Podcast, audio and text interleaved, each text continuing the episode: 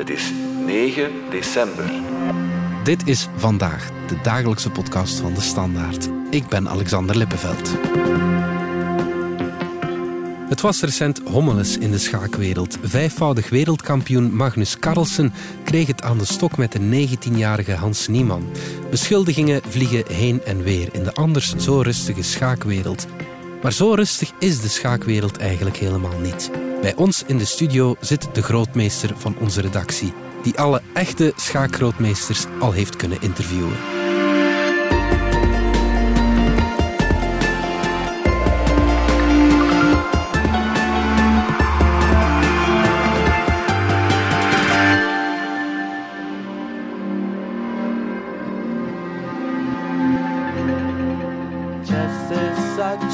Difficult. Gert de eindredacteur bij onze krant. Jij schaakt ook. Maak je wel eens eh, ruzie om een verloren partij? Maar heel zelden. Het is wel eens gebeurd dat ik een partij had waarvan ik dacht dat hij geen 40 set had gespeeld in twee uur. En ik was aan het verliezen. En liet ik met, eh, daarna eventjes tellen. natellen of er inderdaad 40 setten waren gespeeld. Maar dat viel dik tegen. Ehm, ik heb die partij dan gewoon verloren. Door al een beschamende actie van mezelf eigenlijk. Oké, Eh, ja, Ik ben ja. dan gewoon allee, afgedropen, letterlijk. Ja, ja, maar sport en emotie, dat, dat, gaat samen, hè Gert? Ja, ja. Want dat is wat er eh, hier gebeurt. Hè. Daar gaan we het eh, over hebben. Carlsen, de wereldkampioen, en Hans Niemann, een 19-jarige nobody, als ik dat Klopt. moet zeggen. Die ruzien en die eisen nu ook veel geld van elkaar. Het is begin september verloor Carlos op de Shinkway Field Cup in de Amerikaanse stad St. Louis. Geheel onverwacht van die nieuwkomer, die Nieman, die nog maar een paar maanden in het nieuws is. Een jong mannetje van 19 jaar. Maar dat was heel opvallend, want het was de eerste keer in vier jaar dat Carlsen een partij verloor. Hij was al meer dan 50 partijen ongeslagen. Ja. Eh, en het was niet zomaar verliezen, het was echt van het bord geveegd. Ja. Het was niet zo'n accidentje van eh, de andere speelde net iets beter. Het was echt een klassenverschil schijnbaar. Nou ja. Heel vreemd. Carlsen was er duidelijk eh, heel erg van geschrokken. De dag nadien trekt hij uit het toernooi gewoon terug. Mhm. Dus hij verlaat het toernooi. Dat is eh, de eerste keer in zijn carrière dat hij dat doet, denk ik. En hij zet een mysterieuze quote eh, op eh, Twitter, waarbij hij Mourinho- citeert, de voetbalcoach. I prefer really not to not to speak. If I speak, I am in, in big trouble. In big trouble. And I don't want to be in big trouble. Ik verkies niet te spreken, want als ik spreek krijg ik grote problemen. Het is een beetje mysterieus, maar Ja. dat wel bij insinueren dat er iets mis was met die partij. En niemand had ook een reactie eh, na die gewonnen partij. Chess speaks for itself. Dus mijn schaak spreekt voor zich. Meer had hij niet te, had hij niet te melden. Ook al een beetje arrogant voor zo'n jonge gast. Toch wel, ja. Ehm, dat leidde tot een stroom aan beschuldigingen aan het adres van Nieman online. En enkele weken na die Cinque Field Cup krijgen we de tweede fase. Ze ontmoeten elkaar weer, maar dit in een online toernooi. Dus niet over het bord, eh, op de bekende website chess.com. En na slechts één zet zette Carlsen zijn beeldscherm op zwart. Ze hadden nog maar 13 seconden gespeeld. Dus niemand begint met wit, doet zijn eerste zet. Ik weet niet welke. Zwart antwoordt gewoon niet meer, eh, verbreekt het contact. Het scherm wordt zwart. Ah ja, Ja. dat is bizar. Maar Hij geeft gewoon op. Hij, hij weigert voor te spelen tegen die niemand. Dat is zijn reactie. Oké, ja. En ook nu geeft hij geen uitleg. Dus in de schaakwereld gonst het van geruchten, maar Carlsen zegt er, zegt er eigenlijk zelf niks over. Terwijl je kunt zeggen, dat is niet gebruikelijk dat je zoiets doet natuurlijk. Ja. En in een interview een week later zegt hij van, ik vind eh, die opkomst van die niemand laatste tijd wel heel ongewoon. En daar heeft hij wel argumenten voor. Wat die niemand opvallend maakt, is dat hij in heel korte tijd van de top 100 is opgerukt naar de top 50. Ja. Normaal zien gaan daar vele jaren over. Hij heeft dat in een half jaar of zo heeft hij die sprong gemaakt. Dat maakt hem heel erg verdacht. Zelfs Carlsen heeft nooit zo'n progressie gemaakt. Een van de beste spelers die we ooit hebben gehad. Ja. En niemand heeft dan een interview gegeven op dat moment. Omdat ja, hij is dan de man die in de picture is. Waarin hij wel toegeeft dat hij op zijn twaalfde, op zijn zestiende... een keer heeft vals gespeeld in online toernooien. Now, I was confronted, I confessed, and this is the single biggest mistake of my life, and I am completely ashamed. Maar zegt hij, daarna heb ik nooit meer vals gespeeld online. En ik heb ook nooit, maar dan ook nooit vals gespeeld in een, een wedstrijd aan het bord. I have never cheated in an over the board game. Other, when I was 12 years old, I have never, ever, ever, and I would never do that. That is the worst thing I could ever do cheat in a tournament with prize money. En zegt hij, wordt dan een beetje e- emotioneel. And uh, you know, I can I can come to the game. I can completely strip. You want to do any fair play check to me you want. I don't care. They could literally tell me the most ridiculous thing. They want me to strip fully naked, I'll do it. I don't care. Gelukkig is daar niemand op ingegaan. Dat is ons bespaard gebleven. Oké. Heel overtuigend was het dan toch niet, want de, de website chess.com, waar hij zoveel partijen heeft gespeeld, publiceerde dan uiteindelijk een 72 pagina stellend rapport. Dus uh, wel serieus onderzoek, Ja. uh, waarin wordt gesuggereerd dat niemand bij meer dan 100 online partijen vals zou hebben gespeeld. En ze hadden ook argumenten, want wat er opviel was dat het percentage van zetten die niemand speelde uh, het percentage dat overeenkwam met de computer zetten, lag zo gigantisch hoog dat het ongeloofwaardig was. Ja, niemand kan zo slim zijn als een computer. Of Ja, dat is het.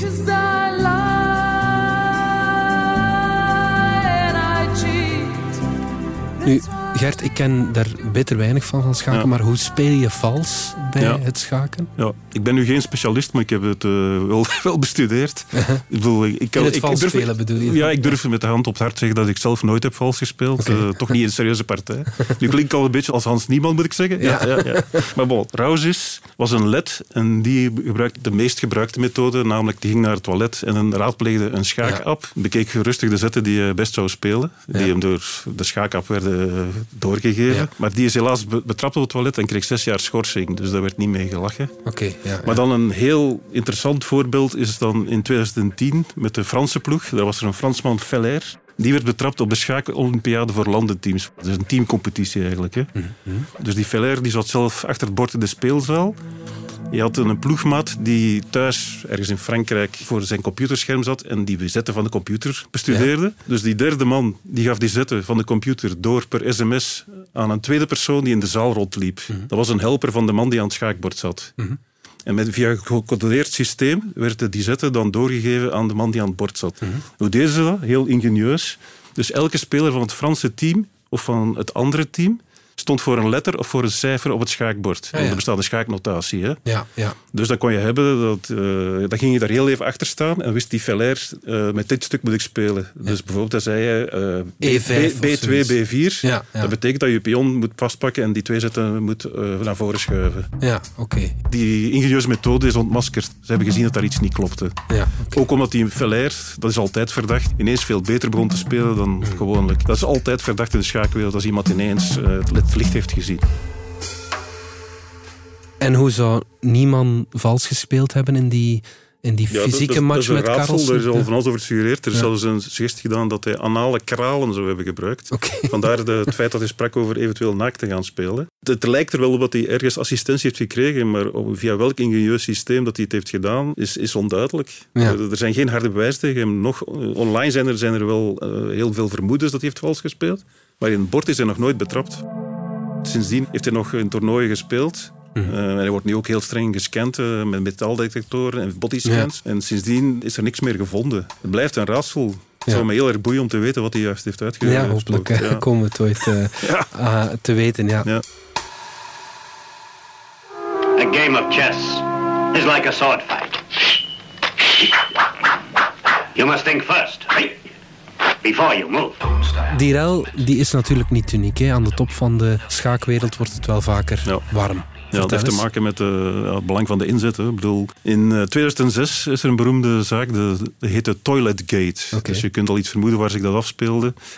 Toiletgate is zo'n beetje het Watergate van het schaken. Mhm. Dat was een WK-match tussen Vladimir Kramnik, de Rus, en de Bulgaar Vesel- Veselin Topalov. Oké. In 2006. En op een bepaald moment begon Topalev's manager te merken dat Kramnik wel opvallend vaak naar het toilet trok voor hij een zet speelde. En die manager suggereerde dat Kramnik daar misschien vals speelde en zetten doorkreeg van een of andere computer. Het was 2006, we hadden nog geen smartphones. Toch niet zoals ze nu... Eh, ja. ja, maar eh, bon, dus de toiletruimte van beide spelers, want ze hadden alle twee een persoonlijke toilet, eh, werden alle twee grondig onder de loep genomen en onderzocht. Er werd niks gevonden. De organisatie besloot daarop als maatregel de twee spelers nog één toilet over te houden waar ze alle twee naartoe moesten. ja. Het protest eh, tegen die verdachtmakingen gaf Kramnik dan de vijfde partij op. Dat is natuurlijk psychologisch een heel sterk manoeuvre. Je geeft gewoon een punt weg. Ja. En uiteindelijk slaagde hij erin van die match te winnen, ondanks het feit dat hij een punt had weggegeven. Ah ja, oké. Eh, ja. Nu later, op een of ander uh, tweede rangstoernooi, heb ik eens een gesprek gehad met de manager van Kramnik. Uh, zo van, ja, allee, het is nooit, het is nooit duidelijk geworden wat, wat, wat deed die Kramnik daar op het toilet. Mhm. En uh, het antwoord dat erop kwam was van, ja, het heeft te maken met het feit dat Kramnik vroeger een verstokte roker was. Mhm. En hij had aan zijn vriendin voor de WK-match beloofd dat hij zou stoppen met roken definitief. Ja. Omdat zijn vriendin niet mocht weten dat hij als hij veel stress had, toch behoefte had aan een rokertje, stak hij iets op op het toilet, eh, begon hij daar te roken. En ook ja, een van de bekendste schakers aller tijden, Garry Kasparov, die is ooit in zo'n eh, incident. Dat was tijdens het eh, toptoernooi van Linares in 1994. Kasparov was toen al tien jaar wereldkampioen. Een gevestigde waarde. Ja. En Judith Polgar, die, dat was een groot talent, maar die was maar 17. Een jonge tiener die voor de eerste keer aan een heel groot toernooi meedeed. Ze speelden tegen elkaar, Kasparov en Polgar. Op een bepaald moment zet Kasparov zijn paard heel even op een bepaald veld. In een oogwenk zag je dat dat zijn eigen slechte zet was. Hij- pakte het paard, had het nog altijd vast en zette het in op een ander veld dan wat hij eerst had gedaan. Ah ja, oké. Ja. Ja. Ja, En dat is wat je eigenlijk niet mag doen, een, stuk los. Nee, want dat is een, er zijn twee heilige wetten in schaken. Dus eh, loslaten is laten staan. en aanraken is spelen. kaarten. En aanraken is spelen. Als je een stuk aanraakt, kun je niet zeggen...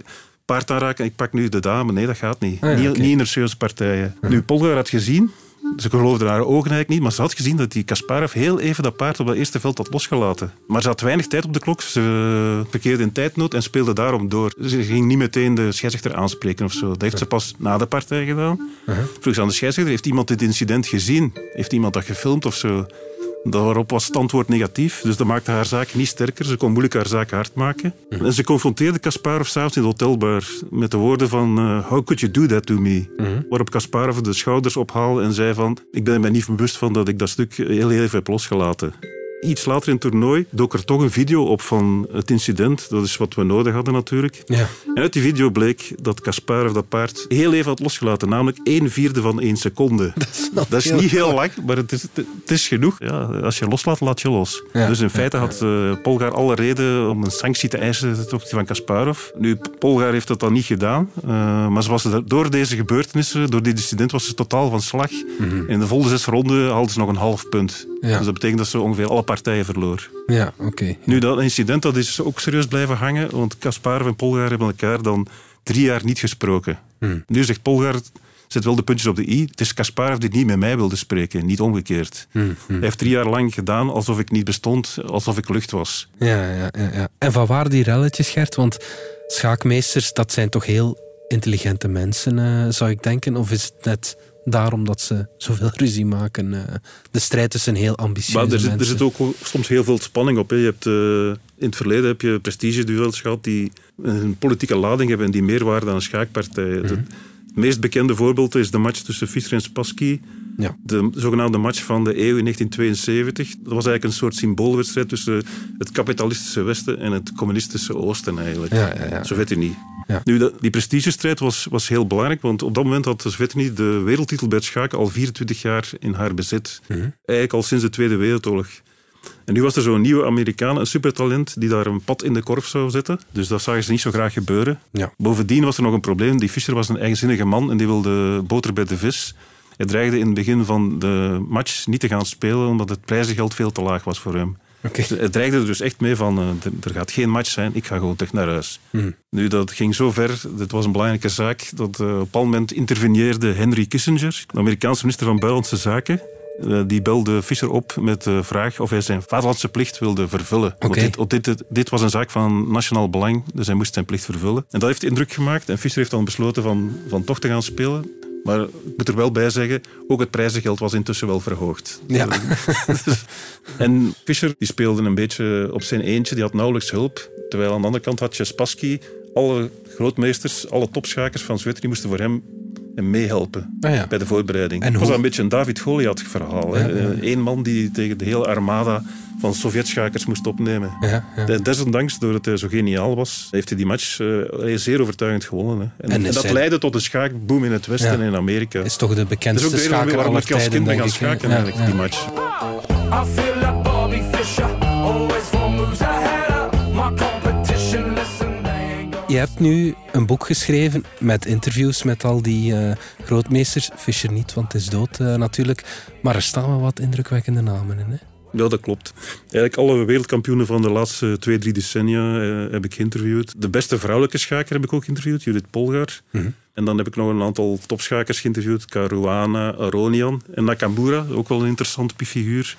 Dat is een soort streamingfenomeen. Op Twitch geeft hij live commentaar bij de partijen die hij speelt. En hij heeft 1,2 miljoen volgers. Oké, ja. En dat is ook een verdienmodel Dat is waarmee waar ook veel gamers eh, op Ja, zitten. klopt. Hè? Ja, ja, ja. Dat is een verdienmodel waarmee hij ook steenrijk wordt. Maar steenrijk is misschien niet hoor, maar toch heel rijk. Hij, hij verdient jaarlijks 30 miljoen dollar met streaming. Ik vind dat steenrijk. Ja, voilà. ja, dat snap ik wel een beetje. Maar er is eigenlijk maar één persoon die meer verdient. Dat is de wereldkampioen eh Carlsen, die een heleboel sponsors heeft en die 50 miljoen dollar per Ja. jaar verdient. Ja, als je al die mannen gesproken hebt, en die vrouwen natuurlijk ook, dan ben jij de man die ons kan zeggen of het klopt dat al die grootmeesters een beetje, hoe zal ik het zeggen, apart zijn. Ja, het meest bekende voorbeeld is natuurlijk Bobby Fischer, wereldkampioen in 72. Maar daarna speelde hij nooit meer wedstrijden, hij raakte nooit meer een stuk aan. Ook al vrij vreemd. En toen hij in 1975 zijn titel moest eh, verdedigen, heeft hij uiteindelijk geweigerd om te spelen. Ah, ja. Daarna dook hij onder in een nogal dubieuze Amerikaanse secte en hoorden we nog weinig van hem. Behalve dat hij dan problemen kreeg met de belastingen, waardoor hij naar Europa moest eh, vlucht nemen. Toen ging het nog redelijk met hem, maar helemaal fout ging het toen hij na 2000 in de Filipijnen in Azië vertoefde. Daar deed hij een radio-interview waarbij hij de WTC-aanslagen op de WTC-torens in New York niet veroordeelde, maar applaudisseerde. Hij vond dat een uitstekend eh, initiatief. This is all wonderful news. This just shows you that what goes around comes around, even for the United States. I want to see the U.S. wiped out. Op dat moment was hij wel al behoorlijk ontspoord. Ja, ja, ja. En klopt het cliché dat het niet de sociaalste mensen zijn? Ja, dat klopt wel. Er zijn wel wat schakers die een of andere vorm van autisme-spectrumstoornis hebben. Eh, ze, ze, zijn, ze maken moeilijk contacten, ze hebben vaak weinig vrienden. Het is ook wetenschap bewezen dat kinderen met autisme veel baat hebben met schaken. Ah ja. Het is ook de reden waarom vaak ouders van zulke kinderen die kinderen naar de schaakclub eh, sturen. Want in dat schaakmilieu voelen kinderen zich vaak veel beter thuis dan op school. Maar het is wel krankzinnig wat die grootmeesters kunnen. Wel om hè. een idee te geven, eh, Bobby Fischer, eh, je mag eens naar zijn IQ raden. 150 of zoiets. Nee, dat is eh, wel een stuk te laag. Eh, Te laag. Ja, het is meer dan 180. Oh, Eh, ja, dat is oké. eigenlijk een verder nooit meer vastgestelde waarde. Oké. Ja. Ja, ja, Dus dat zegt iets. Maar er zijn ook andere voorbeelden. Wat heel fascinerend is bij heel sterke schakers, is dat die heel ver vooruit denken. Uh-huh, Dat is een beroemd voorbeeld van de partij, de parel van Wijk aan Zee, tussen Kasparov en Topalov. Uh-huh. Waarbij Kasparov een dubbel torenoffer pleegde en vervolgens 20 zetten vooruit keek. Hij zag de eindstelling 20 hij zetten. gaf wel toe dat hij niet alle zetten tussendoor zag, maar hij zag wel de eindstelling. En daar bleek hij gewoon gelijk in te hebben. Dat zegt iets over het fabelachtige brein dat zulke topschakers hebben. Hè. Ja, ja, absoluut. Hoeveel zetten kan jij vooruit denken? Ja, iets minder dan 17 of 18. eh. ik ben al blij als ik een mat in drie, als ik dat ontdek, vind, ben ik al heel blij met mijn eigen prestatie. Ja, ja, goed. maar, maar vaak is, is, stel het nog veel minder voor. Ik hou het bij Monopoly, Gert, dus eh, Ja. jij wint. Ja, dat is misschien verstandig.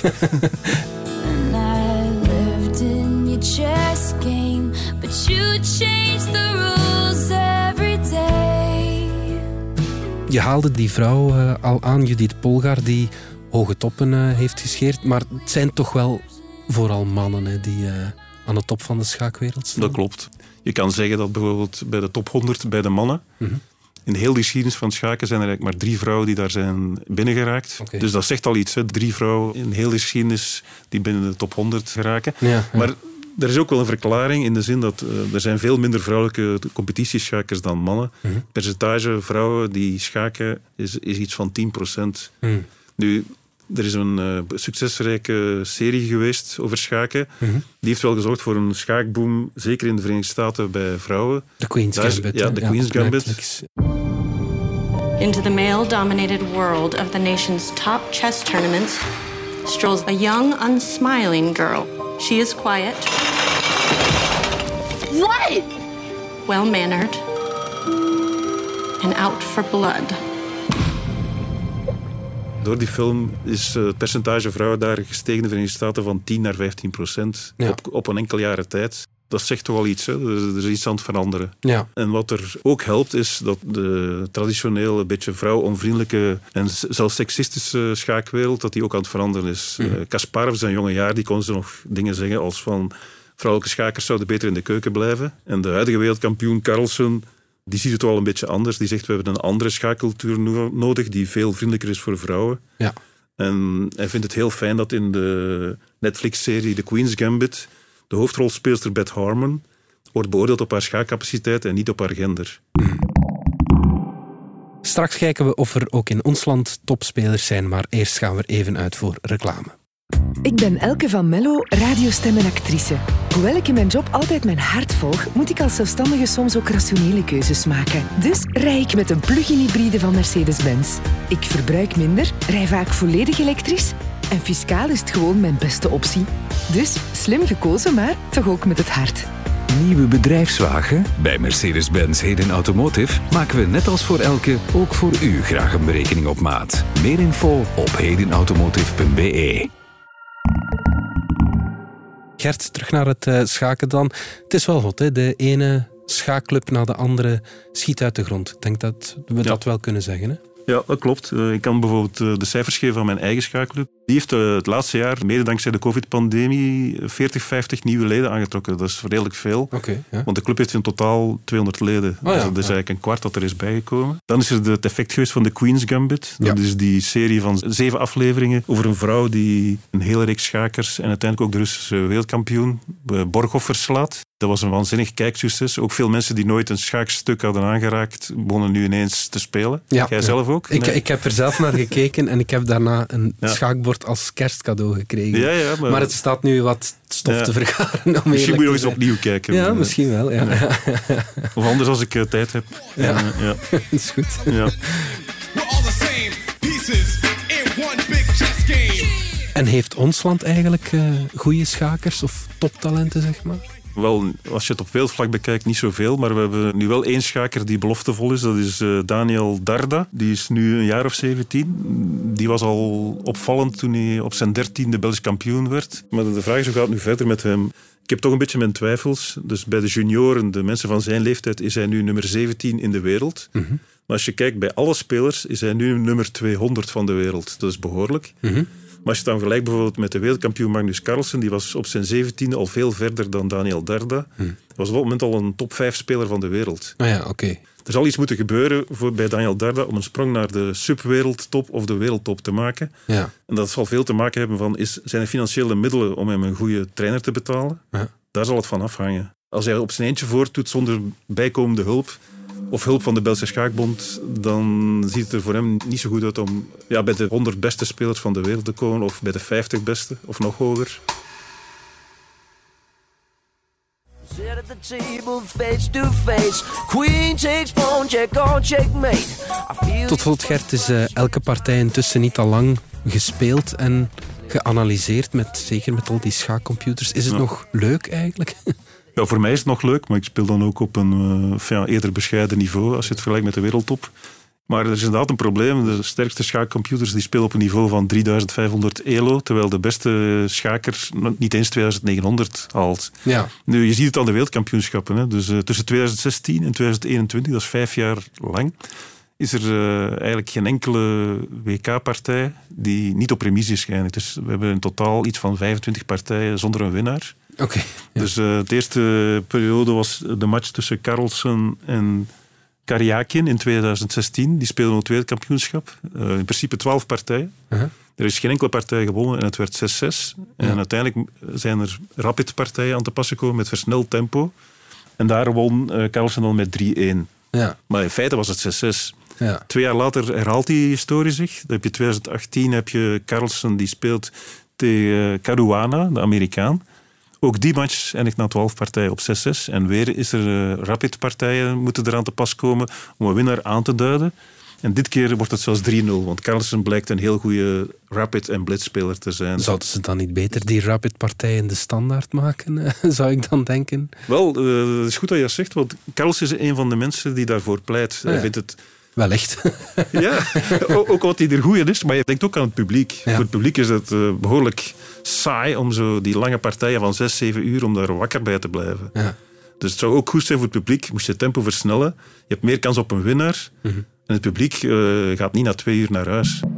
Trouwens, Carlsen weigert eigenlijk nog van zijn titel te ver- verdedigen, omdat hij ja, al die remisepartijen, die hij beu, is het zat. Ja. En iedereen die van de vorige generatie heeft al geklopt. Heeft dus gezegd, ik wil alleen nog spelen tegen iemand van de nieuwe generatie. Ja. Maar nu heeft hij de pech. Die Firuja was een nieuw talent, maar die is niet kunnen doorstoten tot de finale.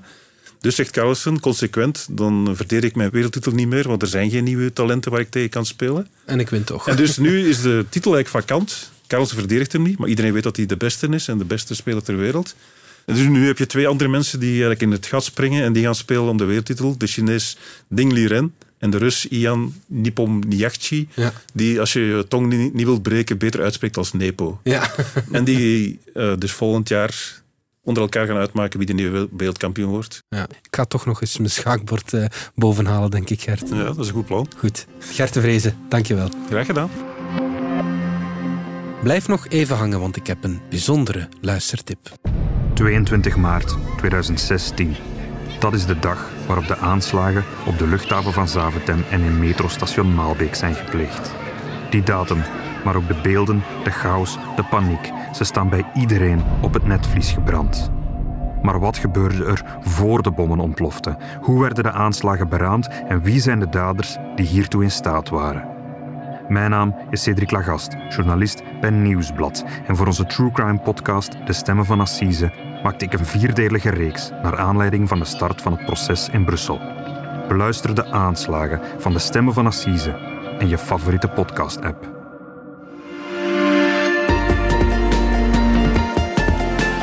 Dit was vandaag de dagelijkse podcast van De Standaard. Bedankt voor het luisteren. Volg ons op Spotify, Apple Podcast of eender welk ander podcastplatform. Onze gratis app DS Podcast kan je niet alleen ons werk beluisteren, maar ook de beste podcasttips terugvinden, met zorg geselecteerd door onze redacteur Max de Moor. Alle credits van de podcast die je net hoorde vind je op standaard.be-podcast. Reageren kan via podcast.standaard.be. Morgen zijn we er opnieuw.